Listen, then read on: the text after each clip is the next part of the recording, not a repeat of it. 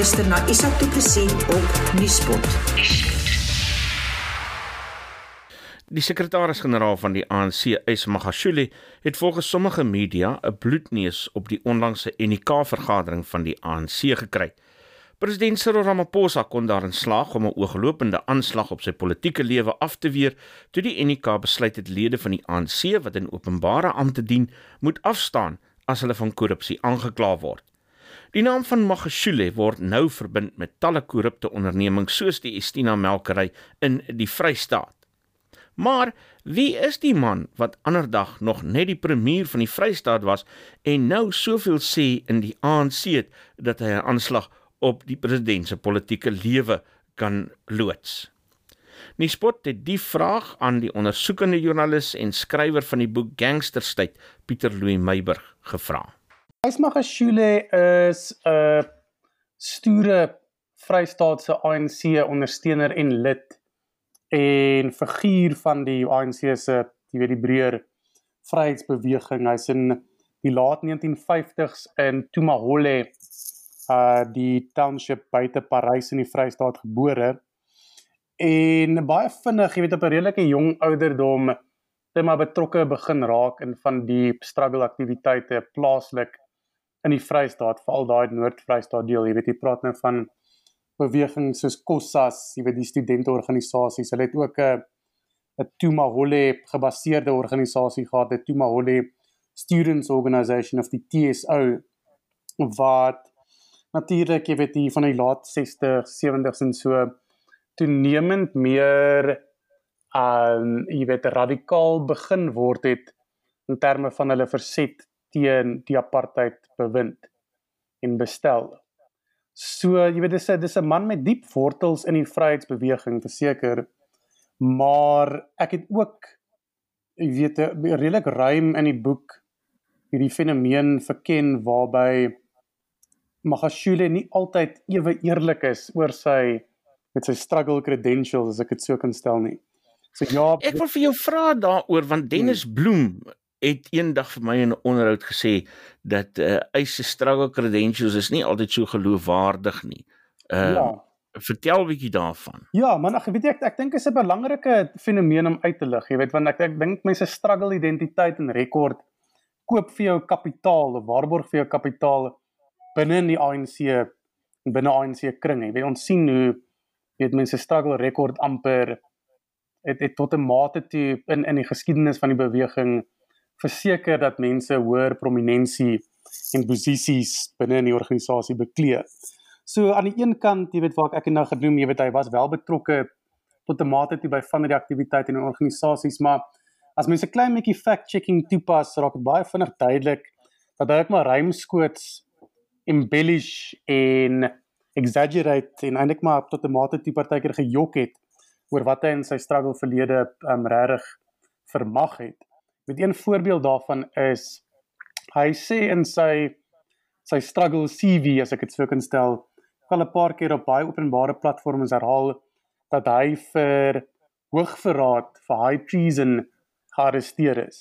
En dit was glo vir hierdie um hierdie assassination attempt om Charles Sebe, dis nou die voormalige leier van die Ciskei um tuisland in daar in die Weskaap. Hmm. Hulle het glo toe hy nou uit later 'n student geword daar by Fort Hare. En Magashule se storie is dat hulle het ehm um, eintlik maar beplan om om die Ciskei president Sebe om die lewe te bring. En daar was ook uiteraard ehm, 'n um, onluste op die Fort Hare kampus op een van die dae toe Sebe nou daar draai gaan maak het. Magashule is gearresteer saam met 'n groep van sowat 20 studente. En hulle is die later eintlik maar op die vingers getik. Hulle is vir um public disturbance gearresteer op openbare onluste wat ook al die klagte daai tyd sou wees maar dit het in die, die narratief van Magashule weet hierdie hagiografie wat hy toepas het dit baie vinnig ontaard toe in 'n 'n hoogverraad klag so hy hy loop en vertel oor die jare al dat hy is vir hoogverraad gearresteer en in die tronk aangehou en dis absoluut glad nie die geval nie. Hulle het mm. opgeskorte vonnisse gekry of boetes. En jy weet ek ek dink wat die my my lesing daarvan is dat weet hy kom uit 'n agtergrond uit waar hy moes amper meeding op 'n politieke vlak met mense wat wel vir hoogverraad aangekla is. Jy weet die Vrystaat se UDF kringe is is redelik vol individue wat wel van hoogverraad aangekla is. Nou dit sluit in mense soos Terror of Musia Lekota. Jy mm. weet vir vir die um, vir vir uh, vir vir verhore hoogverraad verhore in daardie tyd. So my lesing daarvan is, jy weet mense moet amper om om mee te ding in terme van die struggle credentials wil dit vir my lyk like of Magashule 'n paar, jy weet baie skreiende onwaarhede in sy struggle geskiedenis ingesluit of geografeer het. En ek ek dink oor die jare is interessant hoe daai stories sig nooit regtig tot nou toe properly behoorlik en ek gefact check nie. En die weet hy tot 'n mate dit daar daarmee weggekom maar nou het mense jy het nou vir Bloem vroeër genoem. Hulle almal is bewus van waarby hy betrokke was en waarby hy nie was nie. Mm. So dit het net vir hom 'n bietjie moeiliker geraak met ter tyd om om weg te kom met daai stories. Net sodat die luisteraars dit uh, ook verstaan, hoekom is struggle credentials so belangrik? Ja nee, ek ek dink definitief koop dit vir jou politieke krediet of kapitaal in die ANC beweging. Jy weet die die struggle room van die vryheidsbeweging, jy weet die struggle elite is histories maar mense wat jy weet swaar gestraf is deur die apartheidsregime as soms onder hoogverraad klagte. Jy weet diegene soos Nelson Mandela natuurlik, jy weet in, in ouens wat uit die Vrystaat uit ook gekom het, ter uh, Msele Kota en so wat op hoog hoogverraad aangekla is of skuldig bevind is. En jy weet ek ek ek, ek dink dit voer in binne die ANC konteks minstens mense politieke kredietwaardigheid in. Jy weet dit jy het jou mm. het amper jou harde myle afgelê en behoorlik les opgesê vir jou jou stukkel aktiwiteite en daarvoor moet jy eintlik dan meer aansien of of politieke um, krediet kry. En ek dink amper soos 'n soldaat wat terugkom van die oorlog af en vir jou moet littekens kan wys. Ja, jy weet daai daai helde verering jy op 'n bietjie van 'n hoër podium plaas en weet ek ek vermoed Magashule was bewus dat hy het ehm um, daardie credentials ontbreek en ek ek dink dis hoekom hy dit nodig geag het om so 'n bietjie hier en daar 'n bietjie te jok oor wat hy wat regtig met hom gebeur het in die struggle jare. Maar kom ons onderspeel nie sy rol in die ANC nie. Hy het wel 'n belangrike politieke geskiedenis in die ANC veral uh, daar in Parys rond. Uh, da, daar was 'n stadium wat hy 'n baie sterk rol daar gespeel het. Nee nee, definitief. Jy weet kyk, hy kom uit die die Noord Vrystaat streek uit. Dis 'n interessante geskiedenis ook. Die die ANC in daardie deel van die land was nog altyd histories gesplit tussen die twee hooffaksies. Dis die groepering wat naby Parys en Sasolburg en daai areas in Kroonstad selfs 'n saamtrek en dan jy jou sogenaamde Suid-Vrystaaters wat daarvan die Bloemfontein streek kom, jy weet Dennis Bloem en daardie individue, Musiele Kota.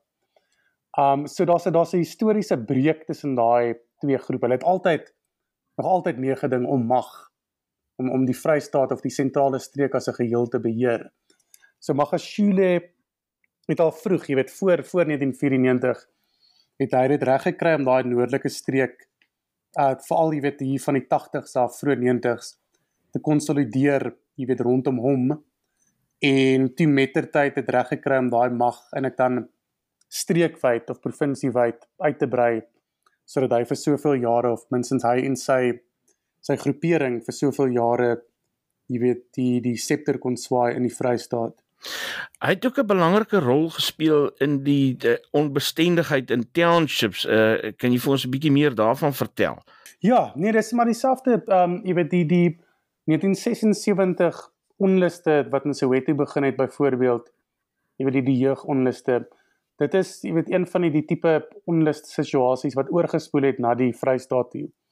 So hulle hulle was baie goed daarin om ek dink die die nasionale sentiment die die weet die nasionale gevoel en beweging um, eintlik in die Vrystaat weet uit te brei en daar op die grond in Tumaholi um, ook um weet soortgelyke protesaksies op die been te bring. En dit is hoekom jy weet Magashule hy het wel al 'n keer of wat met die apartheid uh, polisie gebots en dit was juist as 'n gevolg van jy weet hulle het die jeugopstande van 1976 byvoorbeeld het hulle voortgesit in die die Parys omgewing. Bly ingeskakel, ons praat net na die advertensie verder.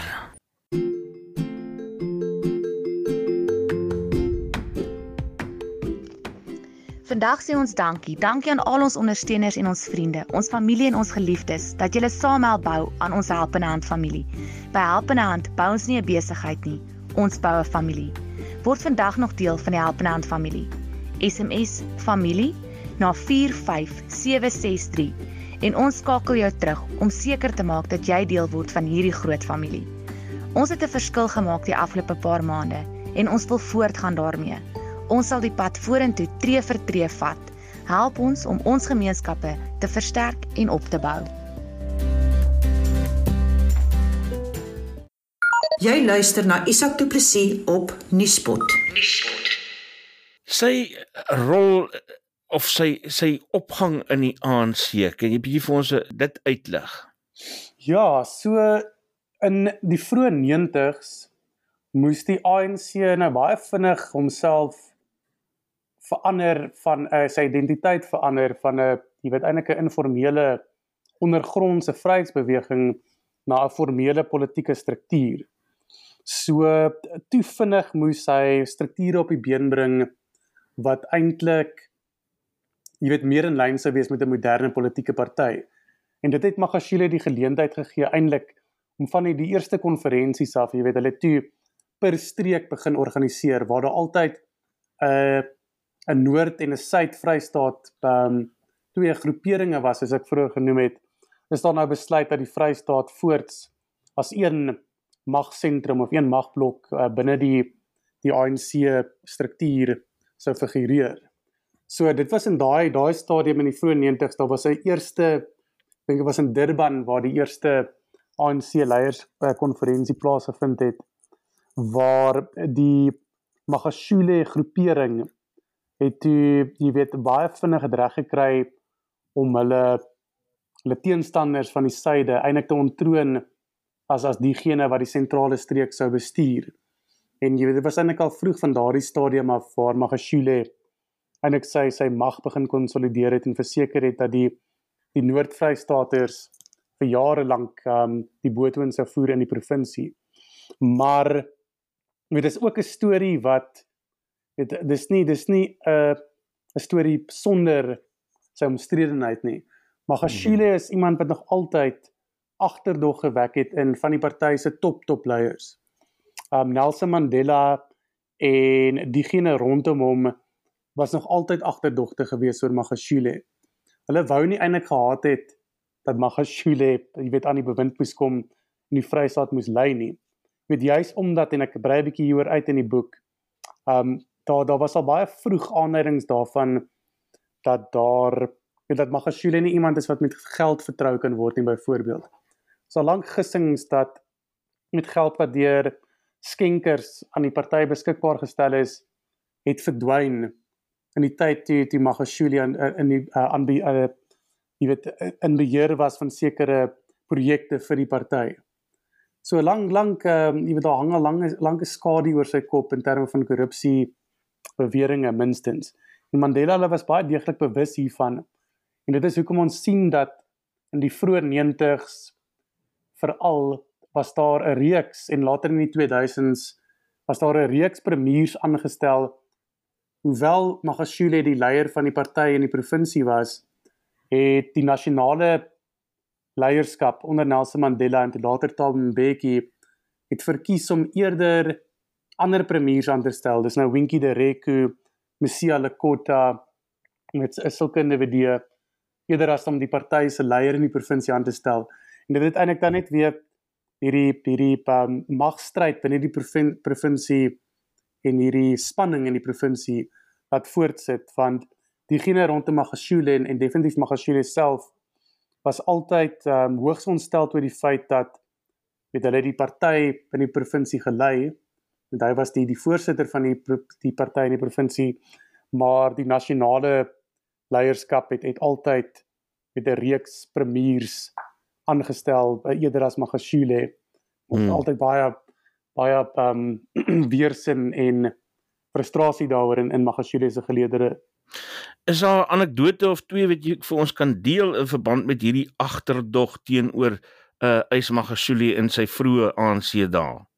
Man, ja, nee, absoluut. Jy weet so so daar's al weet in as gevolg van hierdie struwelinge tussen die noordelike faksie en die suidelike faksie, weet dis dis 'n politieke battles wat hulle keer of wat jy weet amper in bloed geëindig het.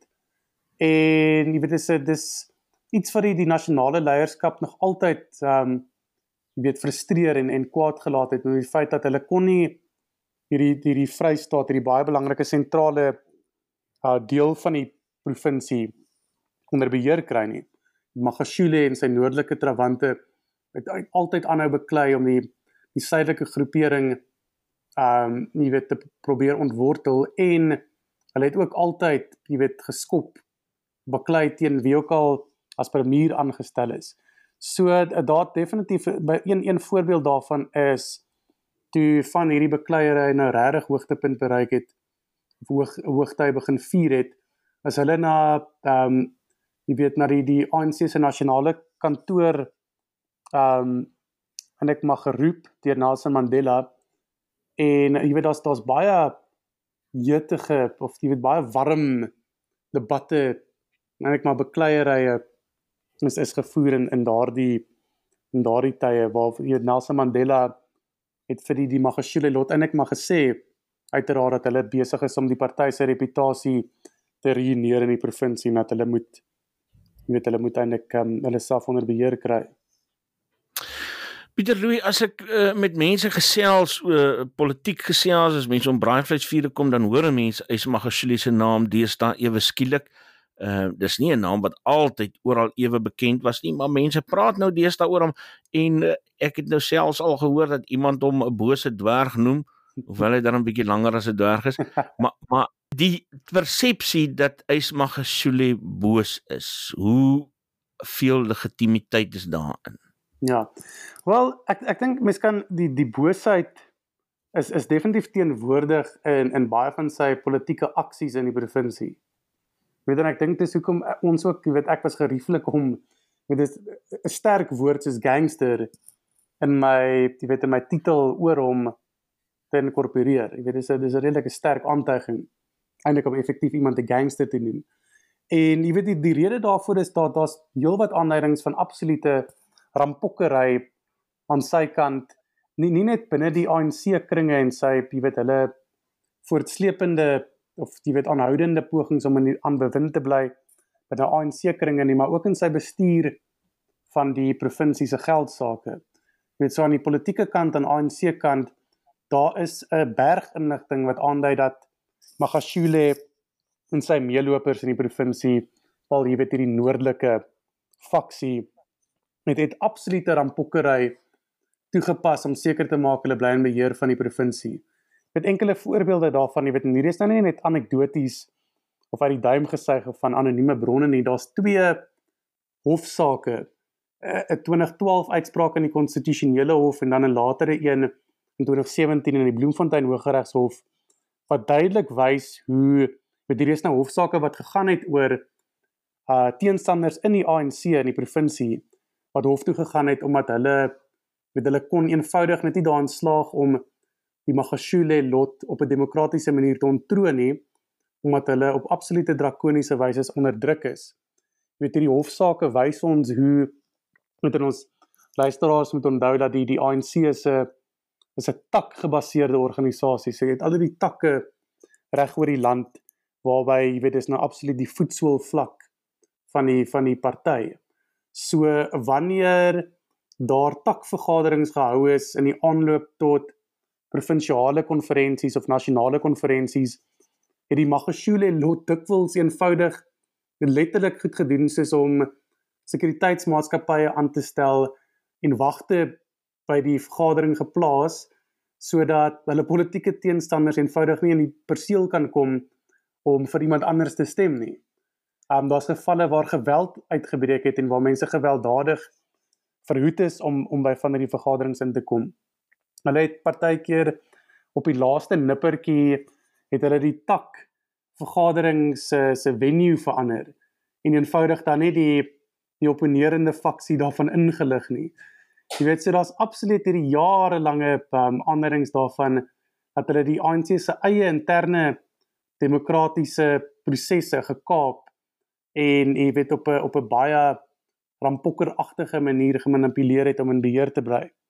Weet en dan kan mens ook die die, die gangster of weet of die die boosheid is is definitief ook van toepassing op sy bestuur van die provinsie se geldsaake. Weet daar, jy weet in die boek ek het ek het jy weet op meer as 'n handvol voorbeelde waar Magashule baie direk betrokke raak by transaksies waarby hy eintlik geensins betrokke moet raak nie om te verseker dat sy eie dogter en jy weet ander familielede en vriende en sakeverbintenisse keer op keer hierdie groot tenders in die in die provinsie losgeslaan het.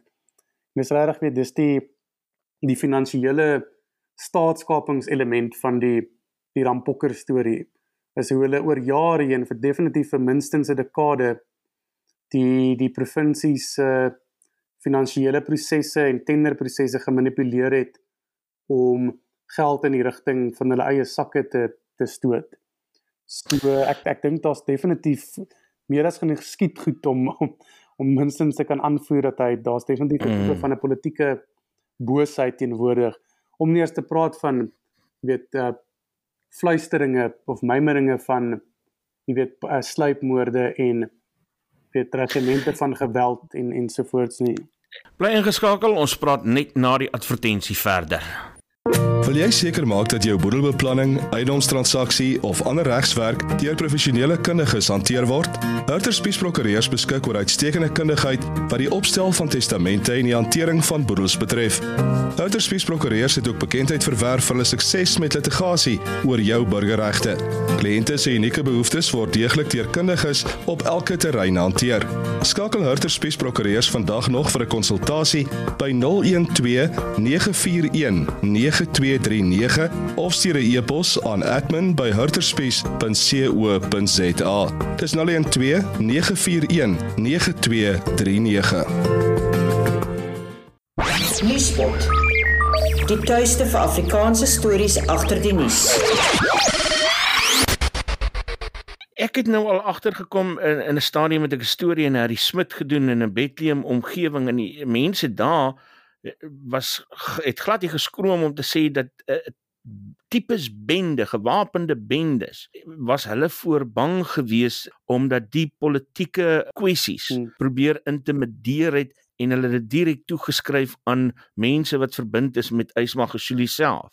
Ja, absoluut Isak. Jy weet ek ek dink mense die publiek se monde sal oophang as ons regtig begin verstaan wat oor die weet daai dekade lange tyd in beheer van Magashule toe hy die die wat die provinsie bestuur het wat regtig daar gebeur het. En selfs die tyd voor dit toe hy net in die provinsiale um regering was as 'n as 'n LER. Jy weet daai die, die daar sekuriteits gewapende sekuriteitsmense by by van hierdie takvergaderings geplaas om mense weg te hou. Dis een voorbeeld. Ek skryf in die boek oor hoe Magashule self ek weet dit sy hande vuil gekry in van hierdie prosesse. Daar was 'n takvergadering ergens in die sentrale streek. Dink dit was hier rondom 2012. En jy weet dit dit is in een van my hoofstukke waar weet 'n tipiese takvergadering proses hulle wou weer um daar was 'n 'n bietjie contestation tussen hierdie twee rival faksies en dit het nou kom by die punt waar taklede moet stem vir een van twee kandidate het is letterlik mense weggehou van die verhoog waar hulle nou hierdie stembriewe geplaas het waar mense nou hulle stem moes uitvind en daar het 'n bakleierery uitgebreek en Magashule het een van die ouens wat nou vir die teenstanders wou stem aan die nek gegryp. Weet jy nou was 'n polisie klag daaroor. Die lesers kan 'n bietjie diegene wat die wat die boek nog wil lees kan 'n bietjie gaan lees hoe Magashule self sê sy moue opgerol het en by van hierdie letterlik fisiese bekleierery betrokke geraak het. Want ek het weer eens die die rampokker term is nie nie ongepas nie. Maar as mens nou al hierdie goed aan hom kan toeskryf, as 'n mens nie eers bang is om 'n 'n titel soos die een wat jy gebruik aan hom toe te skryf nie en 'n mens kan hom regtig boos noem, hoe wat is dit wat so moeilik maak om om vas te trek Ja, Isak ek, ek dink in val van die gevalle studies amper is dit nie moeilik om hom te koppel aan korrupsie of van jy weet baie onetiese gedrag vir 'n premier of iemand in sy posisie nie. Ek dink dit is maar net 'n geval dat weet dis dis 'n ehm 'n resultaat van die die kaping van die die nasionale vervolgingsgesag en die polisie oor die jare heen. So jy kan maar in die Vrystaat, jy weet dis dis baie moeilik om 'n klag teen Magashule te gaan lê in die Vrystaat byvoorbeeld. En jy weet daar's daar's ook alle aanduidings is dat hy het met daardie baie belangrike jy weet staatsinstellings ook maar gekaap. Met soveel sodat en jy weet daar's daar's genoeg stories daarvan ook dat wanneer daar aanduidings van korrupsie is, mense het al gaan klagtes indien by die polisie rondom van hierdie baie snaakse tenders en kontrakte wat homself en sy eie familie bevoordeel het. En en en daardie staak het maar oor die jare heen eenvoudig net nêrens gekom nie. Weet en ons moet dan maar aflei dat die polisie is dan maar eenvoudig nie jy weet regtig so lus om dit behoorlik te ondersoek nie. Um maar ek dink dit vat tyd. Jy weet ek dink dit vat tyd om om daardie instellings reg te maak. Ek dink ons sien dit moontlik nou weet daar sal klaar vordering gemaak ek ek verneem mm. jy weet daar daar word goed vordering gemaak met sake soos die Stina byvoorbeeld wat eers maar baie liderlik platgeval het in die Hooggeregshof daar in Bloemfontein omdat dit nie behoorlik ondersoek is nie en jy weet dis die tipe goed wat nou weer op daai vlak hopelik aandag kry en en wel miskien laterand dalk sy uh, sy betrokkeheid sal uitwys. Ek sien hulle sê daar uh, kan dalk in hierdie maand uh sekere dinge gebeur uh, wat uh hoë profiel ANC-lede dan nou aangekla sal word. Uh wat ek wil weet is hoe kry 'n individu dit reg? Wat moet hy doen om soveel mag te kry om 'n hele provinsie se polisie en se staatsdiensstruktuur hmm. in sy hande kan hou en wat dit onmoontlik maak vir mense om byvoorbeeld sake teen hom te lê? Ja. Weet jy ek ek dink dit begin weer eens by die die ANC. So Magashule was baie goed daarin om die ANC se takgebaseerde demokratiese sogenaamde demokratiese prosesse te kaap en te manipuleer. So jy weet dis eenvoudig dis is 'n piramide. Sodra jy die grondvlak takke beheer, dan beheer jy die die party se provinsiale struktuur. As jy die party se provinsiale struktuur beheer, dan beheer jy sy deployment uh, meganismes. Jy weet hierdie kader ontplooiing 'n meganisme. Jy weet dan kan jy sê dat ek wil hê X persoon moet 'n uh, 'n DG word of 'n uh, jy weet 'n hoof van 'n departement van vervoer byvoorbeeld of die hoof van die departement van veiligheid munisipale bestuurders jy weet soortgelyk daar daar is hordes gevalle waar mense in Magashule se damkring in baie senior posisies aangestel is, veral senior finansiële posisies, die CFOs en municipal managers en so aan uh wat en en en mense wat in verkrygings uh kantore werk in provinsiale strukture.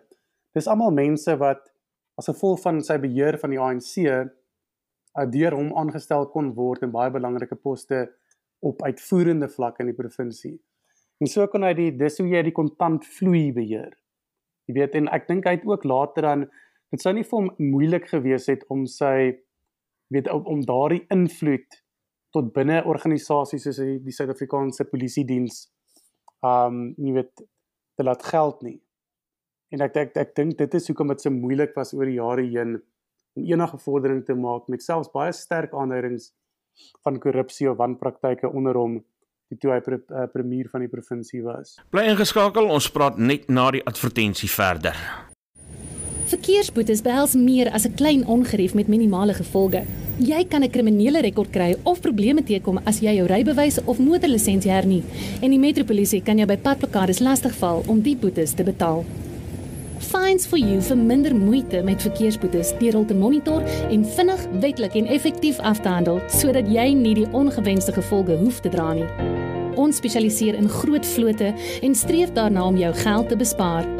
Kontak ons gerus op 011 867 7331 of besoek ons webtuiste by www.finds4u.co.za. Daar's geweldig klomp uh, geweldig baie geld betrokke by hierdie soort korrupsie waarvan iemand soos Ys Magashule beskuldig word. Waarheen gaan die geld? Ja, absoluut. Isak, ek ek dink wat ons begin sien het, jy weet oor die laaste paar jare, wanneer nie begin sien het nie, maar wat ons begin waarneem het is dat hierdie ouens is baie slinks en baie deeglik bewus daarvan dat jy kan nie al hierdie bates nou net maar die, die proceeds of crime in jou eie naam, jy weet registreer of hou nie. Dit is nie asof jy jy kan nie 'n kickback van 'n korrupte tender in die Vrystaat in jou eie bankrekening deponeer nie. So Magashule was beslis en ek weet ek skryf oor in die boek ook is iemand wat dikwels met kontant gewerk het, harde kontant. Dit het laat nie regtig gespoor nie. Ek skryf hoe Tabo Manjoni was die burgemeester van Bloemfontein met van Manga Hung hier rondom 2013 het Manjoni eendag, jy weet, saam met Magashule na die Gupta se huis in Saxonwold gery. Bietjie van 'n roadtrip van van Bloemfontein na Johannesburg toe. En ag dit was die hele plan was daar was hierdie idee dat Magashule sou in Zuma se nasionale kabinet aangestel word, dan sou Manjoni hom vervang as premier van die Vrystaat. En jy weet by benewens die feit dat daar al hierdie baie bedenklike duistere staatskapingsplannetjies daar uitgelees is daar ook geld verwissel uh, volgens Manjoni minstens. So Atul Gupta het vir vir Manjoni 'n sak vol kontant gegee. En Manjoni was te baie vinnig om dit eerder en hy het geskrik en dit eerder vir vir Magashule gegee. Jy weet en nou daar's baie gesê dis vir organisational purposes met wat ook al dit mag beteken. So dis daar weg met 'n met 'n pak kontant en dan skryf ek ook daar's twee of drie ander gevalle waar sakemanne net maar openlik erken het dat hulle vir Magashule kontant gegee het hy's knaand gesien by die ANC se leierskonferensies in die provinsie met kontant by ander vergaderings. So kontant is is een manier om weet die opbrengste van korrupte tenders baie maklik te verdoesel. Maak nie regtig 'n spoor nie. Dit is regtig baie moeilik om 'n kontant bribe um jy weet na te speur. En jy weet dan dan word daai geld ook maar baie vinnig weer gebruik. En so mm. dink om jy weet hierdie patronaatskap netwerk aan die gang te hou. Dit ons weet nou al dat dit kos baie geld om 'n ANC verkiesing te wen. Beide op nasionale vlak en dan natuurlik ook in die provinsies. Mens ek dink dis waarheen baie van die geld is, is om daai weet om daai mag te behou om seker te maak mense hou aan om jou te ondersteun.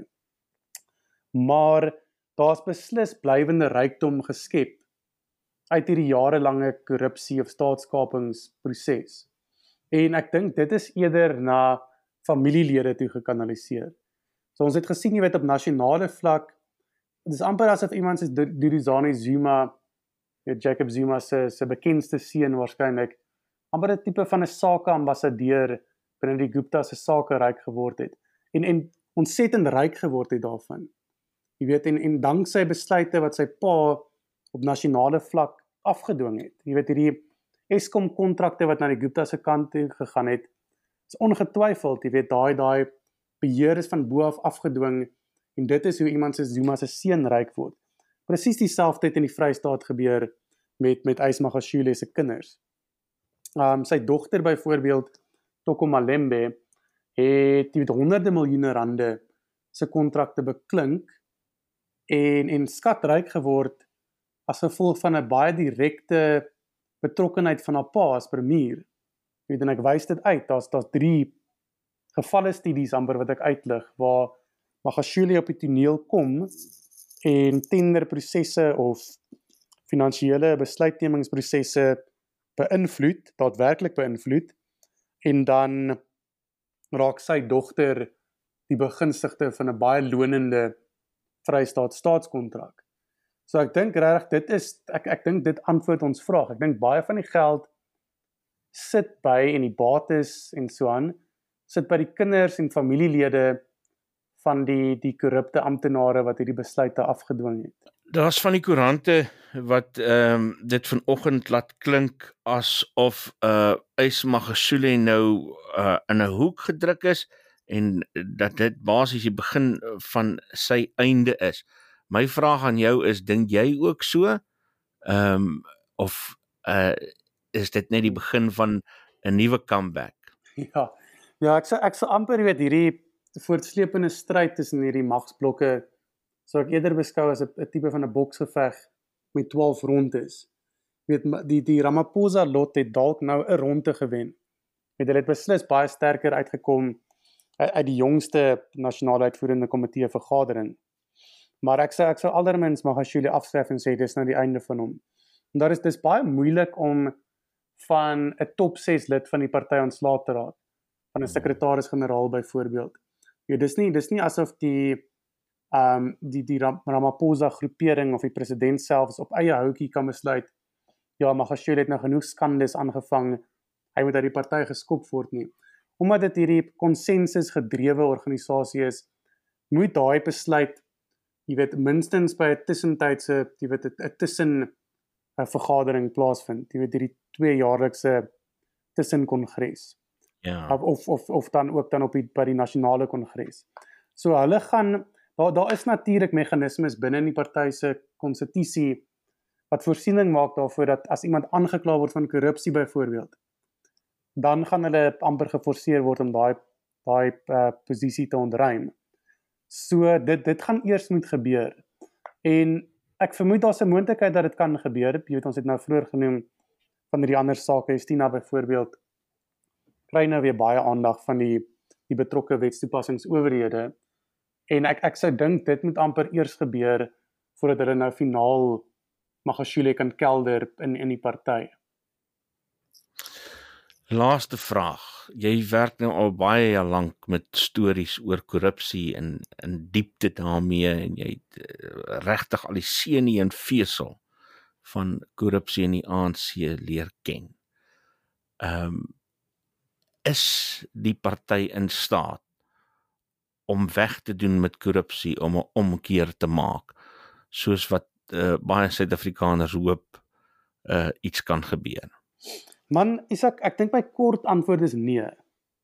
Ah dit is nie, dit het te afhanklik geword van die die patronaatskapstelsel en die die wel na bewering korrupte tenderstelsel waarby die ANC nie net as 'n organisasie nie maar ook jy weet in die vorm van individu individuele lede deurlopend baat vind by staatskontrakte. En jy weet dis dis iets wat gestalte kry in alle groeperinge van die party. So ek dink ons kan onsself 'n bietjie jy weet distansieer van hierdie hierdie siening om die ANC te sien as 'n organisasie wat nou in twee faksies gedeel is en die een is 'n goeie faksie wat weet wat probeer om die ander een te uitoorlê en om seker te maak dat korrupsie jy weet finaal die aftog kan blaas. Ek dink nie dis die geval nie. Ek dink daar's genoeg aanduidings dat die probleem van korrupsie 'n partywye fenomeen is laat nasionaal en provinsiale strukture binne munisipaliteite ongeag van watter groepering of faksie jy daardie strukture beheer dat korrupsie absoluut deel geword het van die DNS se organisasie. So ek ek ek dink in in jy weet in in aggenome van die party se verbintenis en sy onvermoë om dit weg te doen met hierdie korrupte tender of jy weet die die die die feit dat hulle voordeel trek uit tenders landwyd op alle vakke en binne alle alle faksies. Dit sê vir my dat jy weet ek ek dink om korrupsie finaal weet ehm um, te oorwin in Suid-Afrika, dit gaan nie 'n development wees wat binne die die ANC gaan geskied nie. Dit gaan van van buite af moet gebeur. Sjoe, dis Pieter Louw Meiburg met daai slegte nuus. dit dit is nie net slegte nuus nie. Ek ek dink dit dit beteken en ek dink Suid-Afrikaners raak al hoe meer facefoos. Maar ja. sien ons het al gesien hoe jy weet in 2016 byvoorbeeld daardie facefoosheid dis nou natuurlik toe die Gupta kwessie hoogtyd gevier het. Dit dit voer in in mense se besluite by die stembus. En dit wys vir ons dat daar nie noodwendig, jy weet, dis nie asof mens tot 'n lente van daai, jy weet aan die ANC gekoppel hoef te wees in hierdie land nie. So ek ek dink ons het gesien by die die die die munisipale verkiesings van 2016 hoe met die party het grootskaalse loosings gelei. Um en ek en ek epogmakende loosings. En ek dink hoe meer sy die weet die korrupsie handelinge nou met die COVID-19 korrupsie op die spits gedryf word, gaan Suid-Afrikaners besef dat jy daar's daar's miskien tyd om ander alternatiewe ook te oorweeg. Dit was die skrywer Pieter Louw Meyburg. Ek is Isak Du Plessis.